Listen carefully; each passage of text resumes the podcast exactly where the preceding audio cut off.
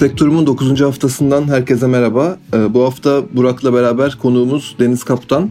Ee, kendisi e, Bilkent Üniversitesi Uluslararası İlişkiler bölümünden sonra yine Bilkent Üniversitesi'nde Uluslararası İlişkiler yüksek lisansına devam ediyor. Ee, Deniz'le beraber e, Dağlık Karabağ'daki savaşın sonlanmasını ve e, Rusya'nın ara buluculuğunda Ermenistan'la Azerbaycan arasında imzalanan ateşkes anlaşmasını tartışacağız, konuşacağız. 6 hafta süren bir savaş yaşandı. Binlerce insan hayatını kaybetti. Bu süre zarfında sadece Dağlık Karabağ'la sınırlı kalmadı çatışma. Ermenistan'dan Azerbaycan'da Gence kentine yönelik birden fazla kere füze saldırısı gerçekleşti. Ama Rusya'nın Ermenistan'ın koruyucu konumunda olması sebebiyle çatışma Ermenistan topraklarına hiç ulaşmadı bildiğimiz kadarıyla. Ve bu en son Azerbaycan'ın Şuşa kentini de ele geçirmesinden sonra askeri olarak iyice işi zorlaşan Ermenistan teslim oldu ve yıllardır işgal altında tuttuğu bölgeleri e, Ermenistan'a geri vermeyi taahhüt etti. E, şimdi ilk olarak Deniz'e şunu sormak istiyorum. Bu çatışma tabii ki yani bu 6 hafta süren bir savaş oldu ama tabii ki yıllar öncesine dayanan bir geçmişi var. E, bize kısaca bahsedebilir misin? Bu çatışmanın, bu savaşın sebebi neydi? Oradaki işgal nasıl başladı, nasıl devam etti? Bildiğimiz çok trajik olaylar var, hocalı katliamı gibi. Ee, ama yani e, bilmeyen insanlar için bunun tarihini az da olsa bilmek çok faydalı olacaktır diye düşünüyorum. Ee, başlayalım böylece. Ee, yani şöyle aslında bilinen böyle ilk iki etnik grup arasındaki de ilk sıkıntı birazcık yani 1988'e kadar geri gidiyor. Ee, yani Sovyetlerin yıkılmasından da önce ama tabii özellikle Sovyetler Birliği yıkıldıktan sonra e, o oluşan daha işte e, güç yani eksikliğinden dolayı e, Sovyetler Birliği'nin gücü tabii ortadan kaybolunca e, iki etnik grup iyice birbirine düşüyor ve birbirlerine karşı silahlanmak daha kolaylaştığı için bu şekilde hani o çatışmanın yıllar içinde alevlendiğini görüyoruz. E, Hocalı katliamı da uluslararası kamuoyunda çok büyük etkisi olan 1991-94 yılındaki yine Dağlık Karabağ bölgesinde çıkan savaşta e, trajik olaylardan bir tanesiydi. E, Hocalı aşiretinin yaşadığı kasabayı giriş ve çıkışlarını kapatarak Ermeni kuvvetlerin e, oradaki sivillere yani ki zaten hani uluslararası savaş e, anlaşmalarına da karşı bir şeydir bu. Oradaki e, sivilleri bilerek isteyerek yaralı bırakması, öldürmesi şeklinde gerçekleşmiş. Tarihe de Hocalı katliamı olarak zaten ismini bırakmış bir olay. Bu olay üstüne biraz daha devam ettikten sonra 94'te bir e, ateşkes anlaşması imzalanıyor ama çok yani hep ateşkes anlaşması böyle birinci adımdır sonra onun üstüne bir barış anlaşması gelmesi gerekir. O daha olamadan ateşkes anlaşması bozuluyor.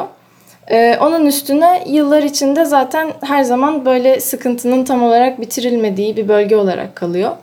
Şimdi günümüzde de 27 e, Eylül tarihinden itibaren e, iki tarafında birbirine e, olan şiddetinin devam ettiğini ve yine alevlendiğini gördük. İki taraf da birbirini suçladığı için sebebi ve kimin nasıl başlattığı çok bilinmese de yine Bartu'nun da az önce bahsettiği gibi ölümler ve yaralılar, şehirlere verilen zararların yine çok olduğu bir savaş görmüş olduk. 6 e, haftanın sonunda anlaşmayla da e, hem ateşkes anlaşması bu sefer Rusya'nın arabuluculuğu, e, Türkiye'nin Rusya ile beraber imzaladıkları ayrı bir ortak kararla beraber yine aslında daha garantili bir hale geldi. Çünkü dediğim gibi ateşkes anlaşmasının üstüne önceki durumlardan farklı olarak bu sefer barış anlaşması da imzalanmış oldu en az 5 yıllık bir garantisi var ama bunun detaylarını galiba sonradan da konuşuruz. Ee, şimdilik yani şey geçmişle bağlantısı olarak hani en azından böyle bir gelişme olduğunu söyleyebiliriz. Ben de bu burada zaten bu anlaşmadan bahsetmek istiyordum. Ee, bu anlaşmayla bu e, Ermenistan'ın Artsak Cumhuriyeti dediği ama aslında uluslararası kamuoyu tarafından kabul olmayan oradaki işgali e, sonlanmış olacak e, ve bütün bölgeler Dağlık Karabağ'daki Azerbaycan'ın eline geçecek. E, aynı zamanda oradaki Ermeni nüfusun e, Ermenistan'la olan bağının korunması ve Ermenistan'a gidip gelebilmeleri için orada Rusya'nın koruduğu bir koridor oluşturulacak. Buna mukabil Nahçıvan'la Azerbaycan arasında aslında Ermenistan toprakları var ve bir kara bağlantısı yok. E, ama bu anlaşma Nahçıvan'la Azerbaycan toprakları arasında Ermenistan'ın içerisinden geçen ve yine Rusya tarafından korunan bir koridor açılmasını da öngörüyor. Bu, bu anlaşmaya bakınca siz kimin yani kimin kazandığı aslında açık. Azerbaycan kazandı. Zaten İlham Aliyev e, bu ne oldu Paşinyan sözüyle çok ünlenen bir konuşma yaptı. Tarihi bir zafer konuşması yaptı. Ve benim gördüğüm kadarıyla zaten e, İlham Aliyev yani Azerbaycan'da bir muhalefet pek yok. E, ama İlham Aliyev her zaman Haydar Aliyev'in oğlu olarak bilinirdi. E, ama şimdi kendisi babasının da önüne geçen ve bir 30 yılı aşkın bir süredir devam eden Ermenistan işgalini sonlandıran efsane bir cumhurbaşkanı dönüştü Azerbaycan'da diye düşünüyorum. E, şimdi İlham Aliyev ve Azerbaycan kesinlikle kazandı. E, ama bunun haricinde Ermenistan da kesinlikle kaybetti. Şimdi benim sorum şu, ikinize de bunu sormak istiyorum aslında. Bunun haricinde bu çatışmanın, bu savaşın e, ve bu anlaşmanın neticesinde kazananlar, kaybedenler kimler? Çünkü şöyle bir tartışma doğdu. E, Birleşik Krallık'taki Daily Telegraph gazetesi bir başyazı yayınladı. Burada çatışmanın e, kazananının esasında Türkiye olduğunu savundu gazete. Çünkü Türkiye olmadan e, Rusya'nın iki kere ateşkes anlaşması denediğini ve başarısız olduğunu bu anlaşmaların e, ve bu saatten sonra ancak Türkiye'nin oradaki diplomatik faaliyetleriyle ve belki de askeri varlığıyla Rusya'nın oradaki kontrolü sağlayacağını ve bunun iç, için ayrıca da 2000 askeri bölgede konuşlandırmak zorunda kaldığını ifade etti. Bu gazete bu Rusya'nın oradaki askeri varlığını Rusya için bir e, yük olarak değerlendirdi. Ama başka çevreler de Rusya'nın oradaki askeri varlığının zaten Rusya'nın e, amacı olduğunu ve stratejik bir kazanım elde ettiğini söylüyor. E, ve Türkiye de aslında orada askeri olarak kesinlikle daha, daha çok yer almak isterdi ve şu anda yer alamayacak gibi gözüküyor. E, her ne kadar Cumhurbaşkanı Erdoğan oradaki var, askeri varlığın Türkiye'nin olacağını söylese de bu anlaşma metninde öyle bir ifade yok. İlham Aliyev de Türkiye'nin orada olacağını söyledi ve bu muhtemelen ileride tartışılacak. Türkiye belli ki orada yer alacak ama istediği yoğunlukta yer alacak mı onu da bilmiyoruz. Dolayısıyla şimdi burada Türkiye ne kazandı, Rusya ne kazandı ya da kaybettiler mi? İstediklerini aldılar mı alamadılar mı? Ben yani bu kesinlikle şu an cevap verilebilecek bir soru değil ama sizin düşüncelerinizi merak ediyorum ikinizin de. Ee, Burak senle başlayayım istersen. Senin bir yorumun olacaksa sonra da Deniz'e döneceğim. Ee, ben şuna çok katılıyorum. Ee, Türkiye kesinlikle çok ciddi kazandı bence bu çatışmada ve dahil olmadan neredeyse kazandı. Dronlarıyla kazandı öyle söyleyeyim. Ee, Türkiye'nin Azerbaycan'a sağlamış olduğu bu e, son teknoloji e, insansız hava aracı, insansız hava aracı silahları Azerbaycan'a çok büyük bir operasyonel üstünlük sağladı Ermenistan karşısında askeri alanda. Öncelikle bunun bütün dünya tarafından biliniyor olması e, Türkiye'nin bu hard power denir ya sert gücünün aslında bir e, yumuşak bir iz düşümü oldu. Yani e, Türkiye'nin sert gücünün bu kadar teknolojik biçimde olması e, bundan sonra e, masada daha büyük e, pazarlık kozuna sahip olmasına yol açacak her türlü e, sahada. Ama şunu da söylemek lazım. Hani Rus askeri giriyor. Türk askeri yok ortada. O zaman Türkiye çok da kazanmadı demek bazı böyle yorumlar gördüğüm için söylüyorum bunu. Bence çok doğru değil. E, neden? Çünkü bu bahsettiğimiz bölge zaten inanılmaz. Deniz az evvel bahsetti. Hani Sovyetlerin çöküşünden sonra ortadaki bir güç boşluğundan dolayı burada iki etnik grup çatışmaya başladı. Evet ama zaten burası inanılmaz bir Rus etkisi altında olan bir bölge. Yani Rusya'nın çok ciddi bir e, gücü var buradaki devletler üzerinde, Ermenistan üzerinde, Azerbaycan üzerinde. Yani Türkiye'nin burada Rusya'yı anlaşmaya zorlaması bile çok büyük bir kazanımdır ve Türkiye'nin bence ilk kez Kafkaslarda bu kadar e, Hazar Denizi'ne doğru olan bu bölgede her ne kadar burası böyle Türkiye Cumhuriyetler, Orta Asya falan diye bilinen bir bölge olsa da burası Sovyet coğrafyası esasında ve Türkiye'nin buralardaki etkisi ee, bana soracak olursanız bu kadar kültürel yakınlığa rağmen yok denecek kadar aslında. Ben de şey görmüştüm bu kültürel olarak da yani burada bu, büyük bir kazanım elde etti bence. Savaşta esir düşen askerler karşılıklı olarak e, videolar izlemiştim. Birbirleriyle Rusça konuşuyorlardı. Çünkü bölgedeki herkes neredeyse Rusça konuşuyor. Yani ana dillerinin haricinde bir de Rusça biliyorlar. Ve tabii ki yani bu bile onların aslında ne kadar Rusya etkisinde olduğunu e, gösterir nitelikte diye düşünüyorum. Yani sadece bu e, ekonomik bağımlılık e, ya da işte coğrafi olarak yakınlıktan ziyade bir kültürel etkisi de var Rusya'nın orada Sovyetlerden beri devam eden. Tabii ki çok büyük kültürel etkisi. Tabii ki Azerbaycan'la Türkiye'nin kültürel bağları da çok kuvvetli ve çok eskiye dayanıyor ama e, Ermenistan'la Türkiye böyle bir kültürel ortaklık pek paylaşmıyor. Yani tarihsel bir e, birliktelik olsa da geçmişte hani Osmanlı döneminde. Hani bu zamanla yerini e, yani yanlış bir laf etmek istemem ama zamanla karşılıklı nefrete dönüştür, dönüşmüş durumda bile.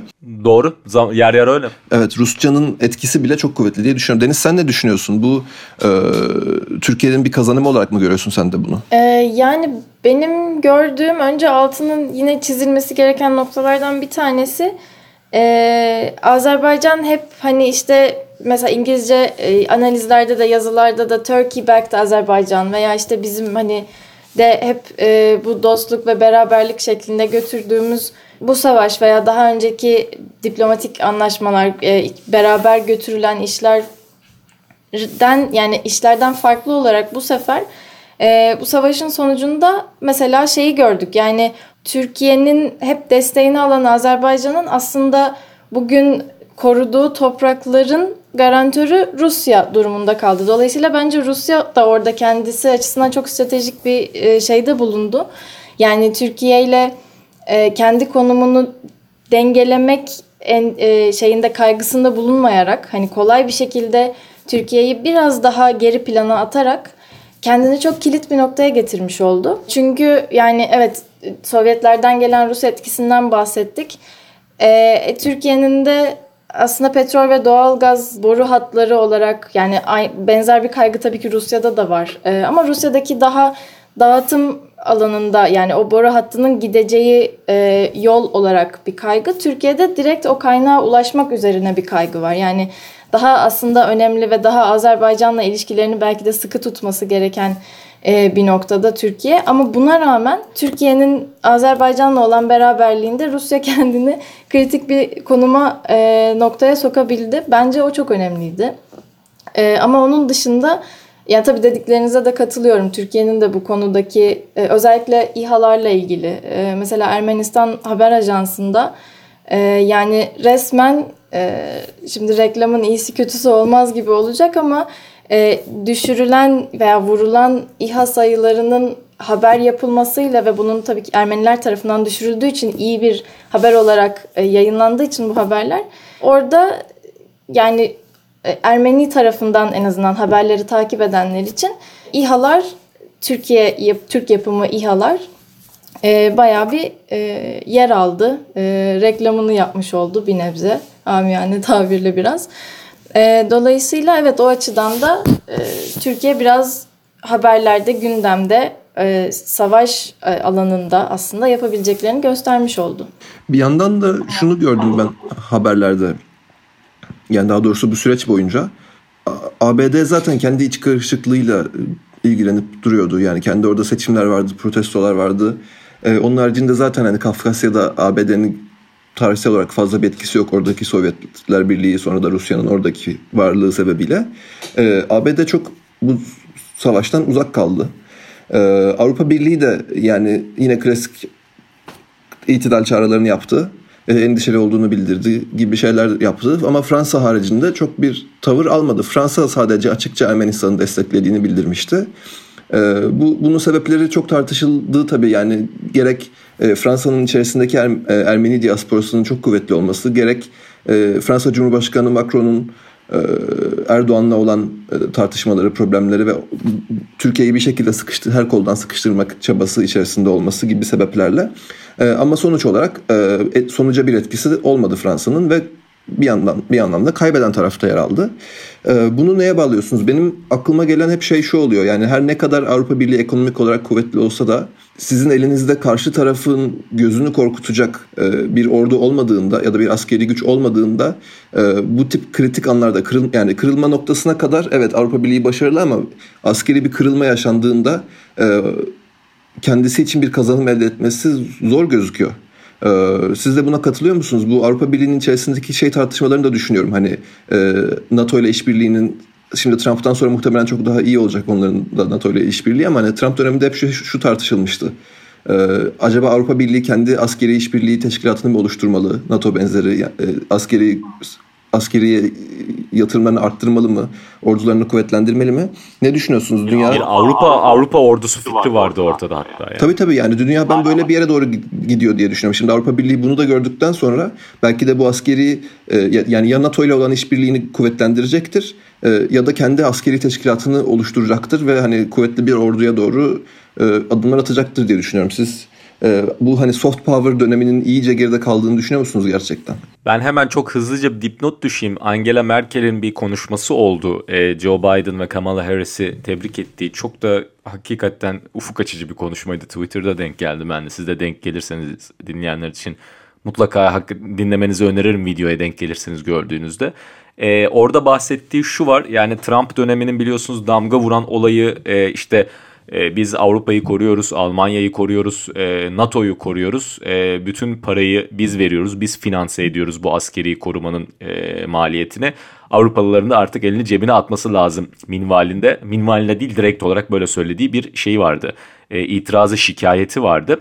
Merkel Trump dönemi bitmiş olmasına rağmen bunun Trump'a özgü değil aslında Amerika'nın bir e, devlet stratejisi olarak bu yönde bir baskısı olabileceğini kabul ediyor ve diyor ki Amerika'nın bu bu yönde bazı itirazları vardı. E, bundan sonraki dönemde de devam edebilir bunlar.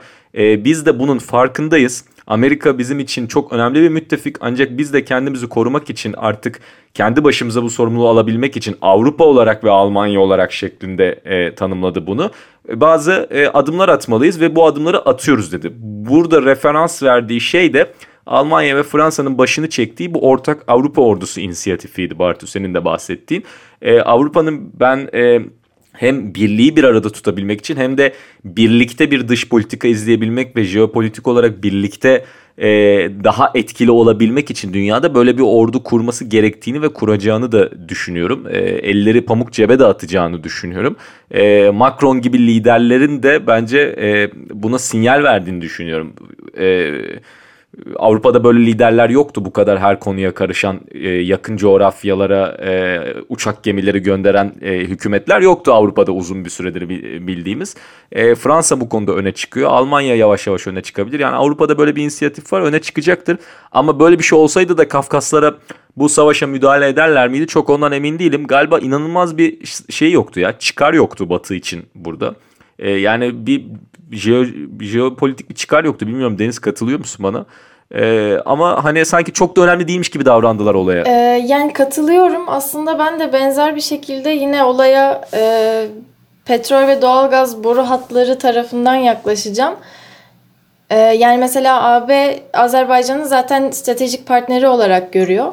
Ee, mesela ama buna rağmen hani çok da bariz bir AB olarak yani çok da bariz bir taraf tutmamalarının sebebi e, şey olabilir yani boru hattının mesela Rusya ve Türkiye için boru hattının hangi ülkenin sınırından geçeceği veya o boru hattının güvenliği direkt bir önem kazanıyor. Ama AB için yani bir ihtimal e, boru hattı Ermenistan'dan mı geçecek veya işte Azeriler mi kontrol edecek, Ermeniler mi kontrol edecek çok önemli değil. Onlar için e, önemli olan o kaynağa ulaşabilmek. Hani stratejik partneri ise de mesela Azerbaycan'ın e, tabii ki Azerbaycan'ın hani devlet olarak e, orada olması önemli ama e, tam böyle spesifik olarak nereyi nasıl kontrol ediyor, kimle neden ne zaman savaşıyor şu anda en azından ben de çok bir şey olarak senin dediğin gibi çok önemli bir çıkar olmadığı için muhtemelen e, birazcık kafayı diğer tarafa çevirdiğini gördüm. Güvenilir bir aktör de yok galiba sahada. Yani e,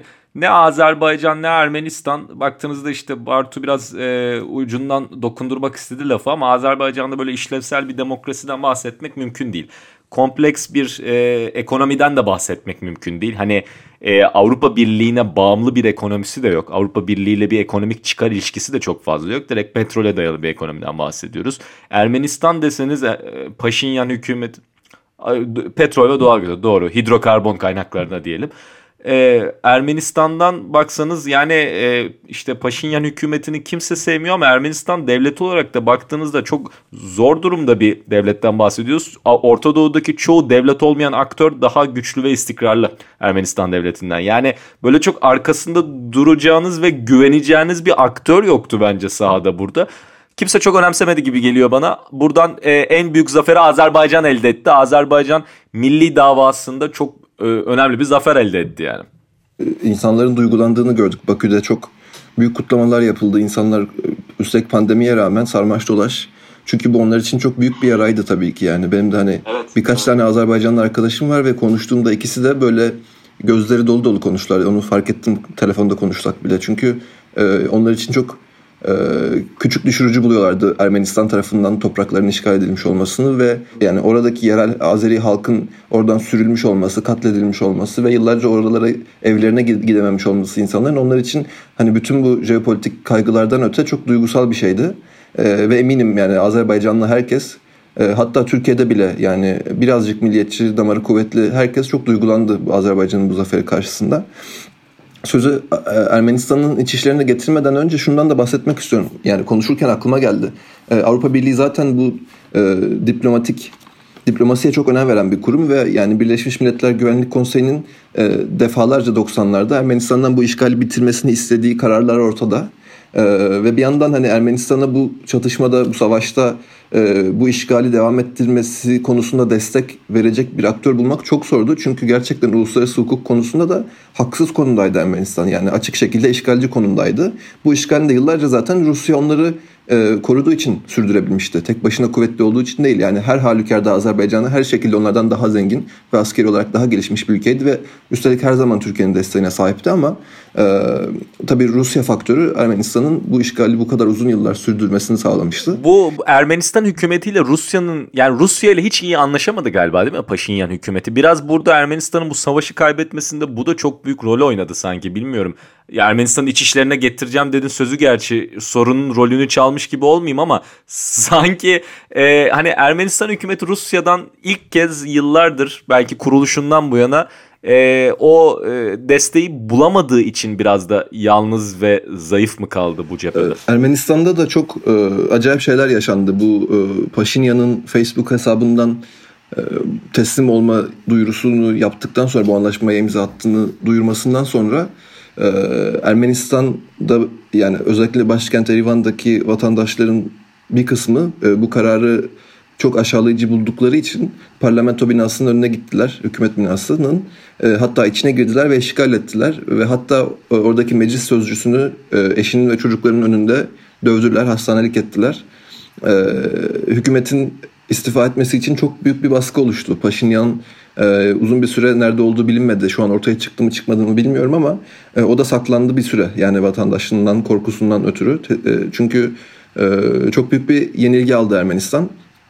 Bir yandan da e, Buranın da dediği gibi 2018 yılında orada bir Kadife Devrim adı verilen bir e, olay gerçekleşmişti ve Ermenistan tarihinde ilk defa Rusya'dan ziyade e, Batı'yı kendisine e, örnek olan yani müttefiklik ilişkisi kurmakta tabii ki çok zorlanacaktı Ermenistan bu bariz. Çünkü e, Rusya'ya ekonomik olarak çok bağımlı bir ülke ve kendi kaynakları çok sınırlı bir ülke ve hani e, Türkiye gibi bir komşusu var ama Türkiye ile sınırları kapalı olan bir ülke. Ee, yani Türk mallarının İran üzerinden ülkeye gittiği biliniyor ve tabii yani birçok Türk malı şey kullanıyorlar. Üretimleri sınırlı olduğu için e, ama o Türk malları da iki kez sınırdan geçtiği için üstüne iki kere vergi biniyor falan. Yani zaten zor durumdaki bir ülke. E, ve şimdi böyle bir yenilgi aldılar. Bunun haricinde orada e, hala Paşinyan'ı destekleyen insanlar var ve bunun askeri olarak e, zaten Paşinyan da bunu söyledi. Yani biz hani orduyla oturduk konuştuk ve bu kararı almak zorundaydık e, çok acı verici bir karar olsa da gibi ifadeler kullandı. E, ama ordunun içerisinde de hala bu kararı tanımayacağını ve savaşın devam etmesi gerektiğini söyleyen insanlar var. E, bunun bir darbe girişiminde dönüşebileceği söyleniyor. Muhalefet partileri birleşti, Paşinyan'a karşı bir ultimatum verdi. Bir yandan da şunu da görüyorum ben, tabi diasporadaki Ermeniler dünyanın dört bir tarafında birçok Ermeni yaşıyor ve onlar da bu karara büyük tepki gösterdiler. Ee, bu, bu da şöyle bir gerilime yol açtı. Ben bunları sosyal medyadan gördüğüm kadarıyla takip ettiğim hesaplardan bakıyorum. Ee, Ermenistan'daki Ermeniler diasporadaki Ermenilere o zaman siz de gelin size savaşın. Yani oradan konuşması kolay sizin siz ölmüyorsunuz sizin çocuklarınız ölmüyor gibi ifadeler de kullandılar. Bu yani diaspora ile zaten hani e, ülkedeki Ermenilerin arasının çok iyi olmadığı bilinen bir şeydi. E, ama hani bu gerginlik de sanki arttı ve belki de daha da artacak. E, çünkü gerçekten uzaktan konuşması da kolay. Ee, Ermenistan'ın geleceğiyle ilgili ne düşünüyorsunuz? Orada tekrar bir Rus yanlısı bir iktidar gelir mi? Yoksa insanlar şimdi Rusya'nın bu anlaşmaya ön ayak olmasına bozulmuştur da hani Batı yanlısı siyaset orada güç mü kazanır?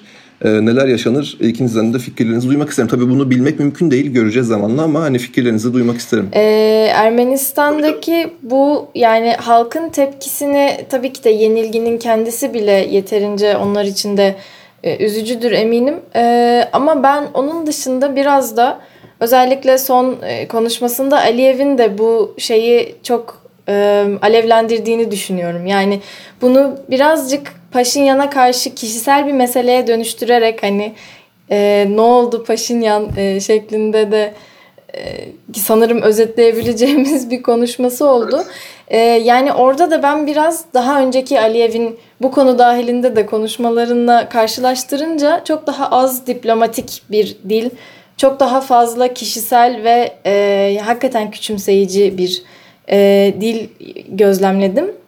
E, yani tabii ki böyle bir zaferin üstüne konuşulur. Yani e, belki de doğal bir sonuç olarak da görülebilir ama bunun bir başka etkisi ve belki de Aliyev'in bir noktada amaçladığı etkilerinden bir tanesi de bu kadar küçümseyici bir dilin, bir konuşmanın yöneltildiği halkın şu an hani en basitinden bir kişiyi, Paşinyan'ı e, suçlu olarak gösterip ona karşı e, böyle bir düşmanlık, kin, nefret besleyebilmesi ve dolayısıyla ya komşusu olan bu ülkeyi de şu an içini karıştırmasına sebep oldu. Aslında bunun da bunu da ben bir avantaj hatta Azerbaycan tarafından başka bir çeşit zafer olarak görüyorum. Yani belki daha küçük bir zafer ama bunun da etkisinin uzun süre süreceğini zaten az önce senin de bahsettiğin gibi Bartu yani darbeler olabilir, başka türlü e, etkileri olabilir. Şu andaki iç karışıklığın bile sebebi olarak bu da yeni, e, zaferin bir parçası bence Azerbaycan açısından. Ermenistan zor bir ülke. Ee, bir hükümet değişikliği bekleniyor şu an doğal olarak yani bir savaşta yenilen bir ülkenin hükümeti değişir zaten yani hani Aksini beklemek bile işlerin normal gidişatı değil. Bir hükümet değişikliği bekleniyor ve siz olayın arka planını çok iyi verdiniz. İlk kez batı yanlısı bir hükümet vardı. Neden olduğu bilinmeyen bir biçimde e, tamam çatışmayı kimin başlattığı çok belli değil ama Paşinyan hükümeti biraz atladı bu savaşa. Yani istediği gibi oldu neden olduğu bilinmeyen bir biçimde savaşı körükledi bu e, Paşinyan hükümeti. Rusya'dan destek bekledi, bulamadı. E, batı'dan destek bekledi, bulamadı çeşitli sebeplerle. Belki güven de vermedi ve işin sonunda savaşın galibi Aliyev e, Deniz'in dediği gibi e, Paşinyan'la e, alay ediyor şu anda ve ülkenin içinde de hani karışmasına zaten bir şey yapmaya bile gerek yok ama Aliyev bunu e, daha da e, güçlendiriyor Ermenistan içerisindeki huzursuzluğu. Ermenistan zor bir ülke. Diaspora ile arası iyi değil. Diasporadan destek göremiyor. E, Rusya ile istediği ilişkileri kuramıyor belli ki. E, tek kara sınırı Azerbaycan ve Türkiye ile Azerbaycan'la savaşta Türkiye ile sınırı kapalı. E, dediğin gibi ben çok hakim değilim bu arada Bartu. İran üzerinden mi gidiyor? Ben her şeyi Rusya üzerinden alıyor diye düşünüyordum. İran'la bu arada İran'la büyük bir ticareti varsa İran'la ilgili bir dipnot açmak istiyorum. Bence bu savaştaki önemli e, gözükmeyen bir jeopolitik aktör İran.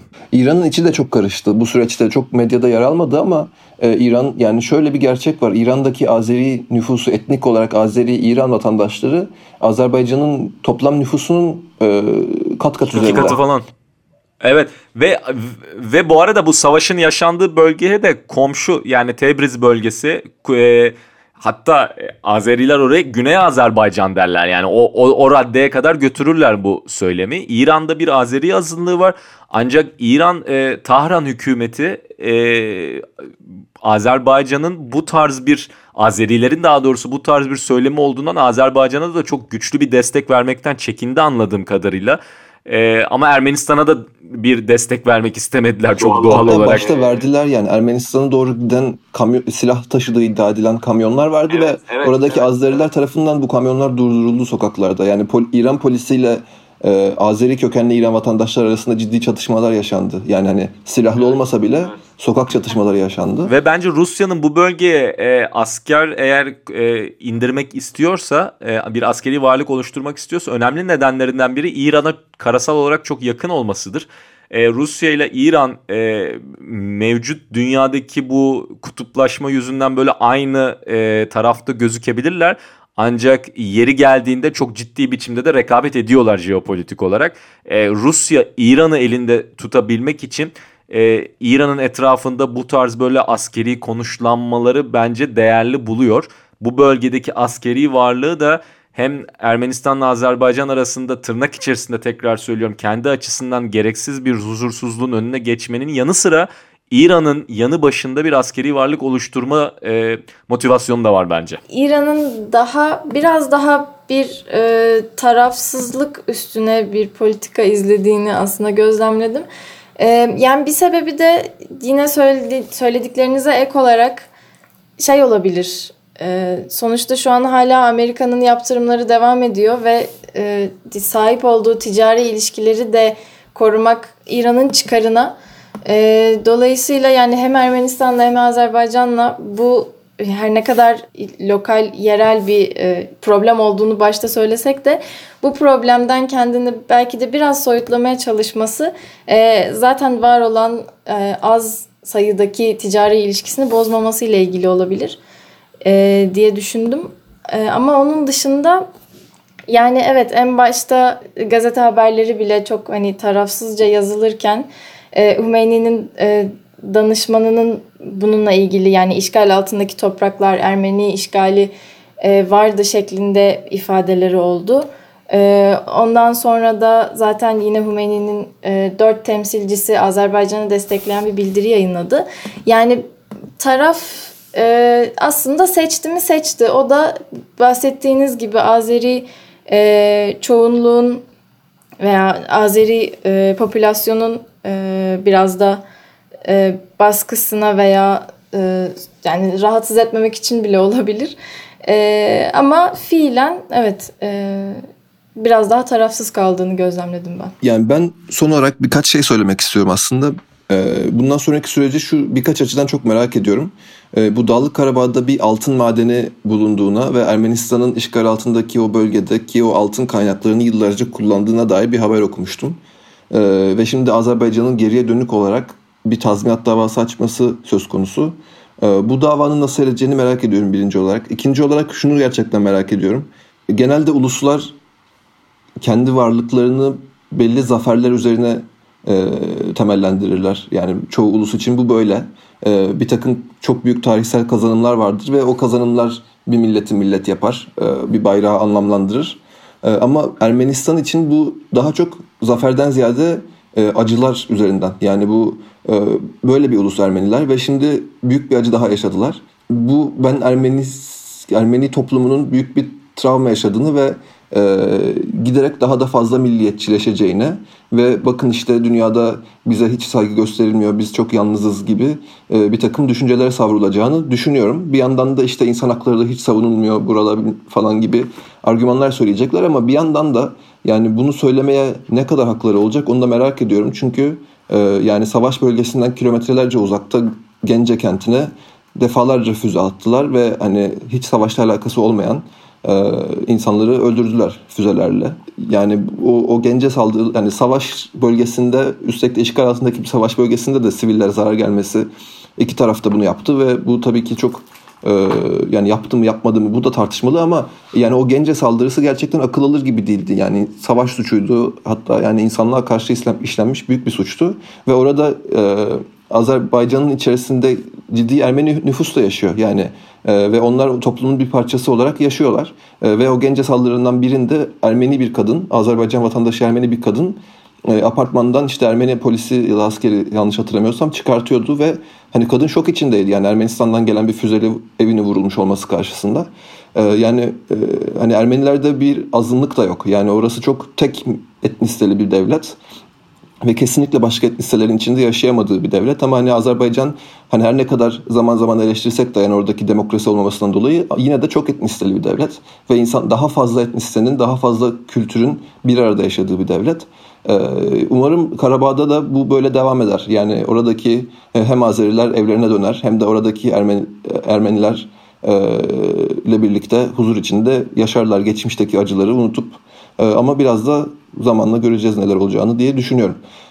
Sizin eklemek istedikleriniz varsa? Yok ben de yine zaman içinde o bölgedeki Türk-Rus e, kim kazandı kim kazanmadı bunu biraz da zaman içinde göreceğiz. Bakalım ikinci planda kalmasına rağmen Türkiye ne kadar diplomatik olarak e, bir söz sahibi olacak veya ne kadar istediği zamanda gerekli bulduğu zaman da Rusya'yı köşeye sıkıştırabilecek veya Rusya ne kadar Azerbaycan'la Ermenistan'la bu anlaşmayı ve maddelerini kontrol altında tutabilecek bakacağız, göreceğiz biraz. Ee, ben de onları takip ediyor olacağım. O zaman e, Spektrum'dan bu hafta bu kadar. E, ikinize de çok teşekkür ediyorum. E, görüşmek üzere. Ben de teşekkür ederim. Görüşmek üzere.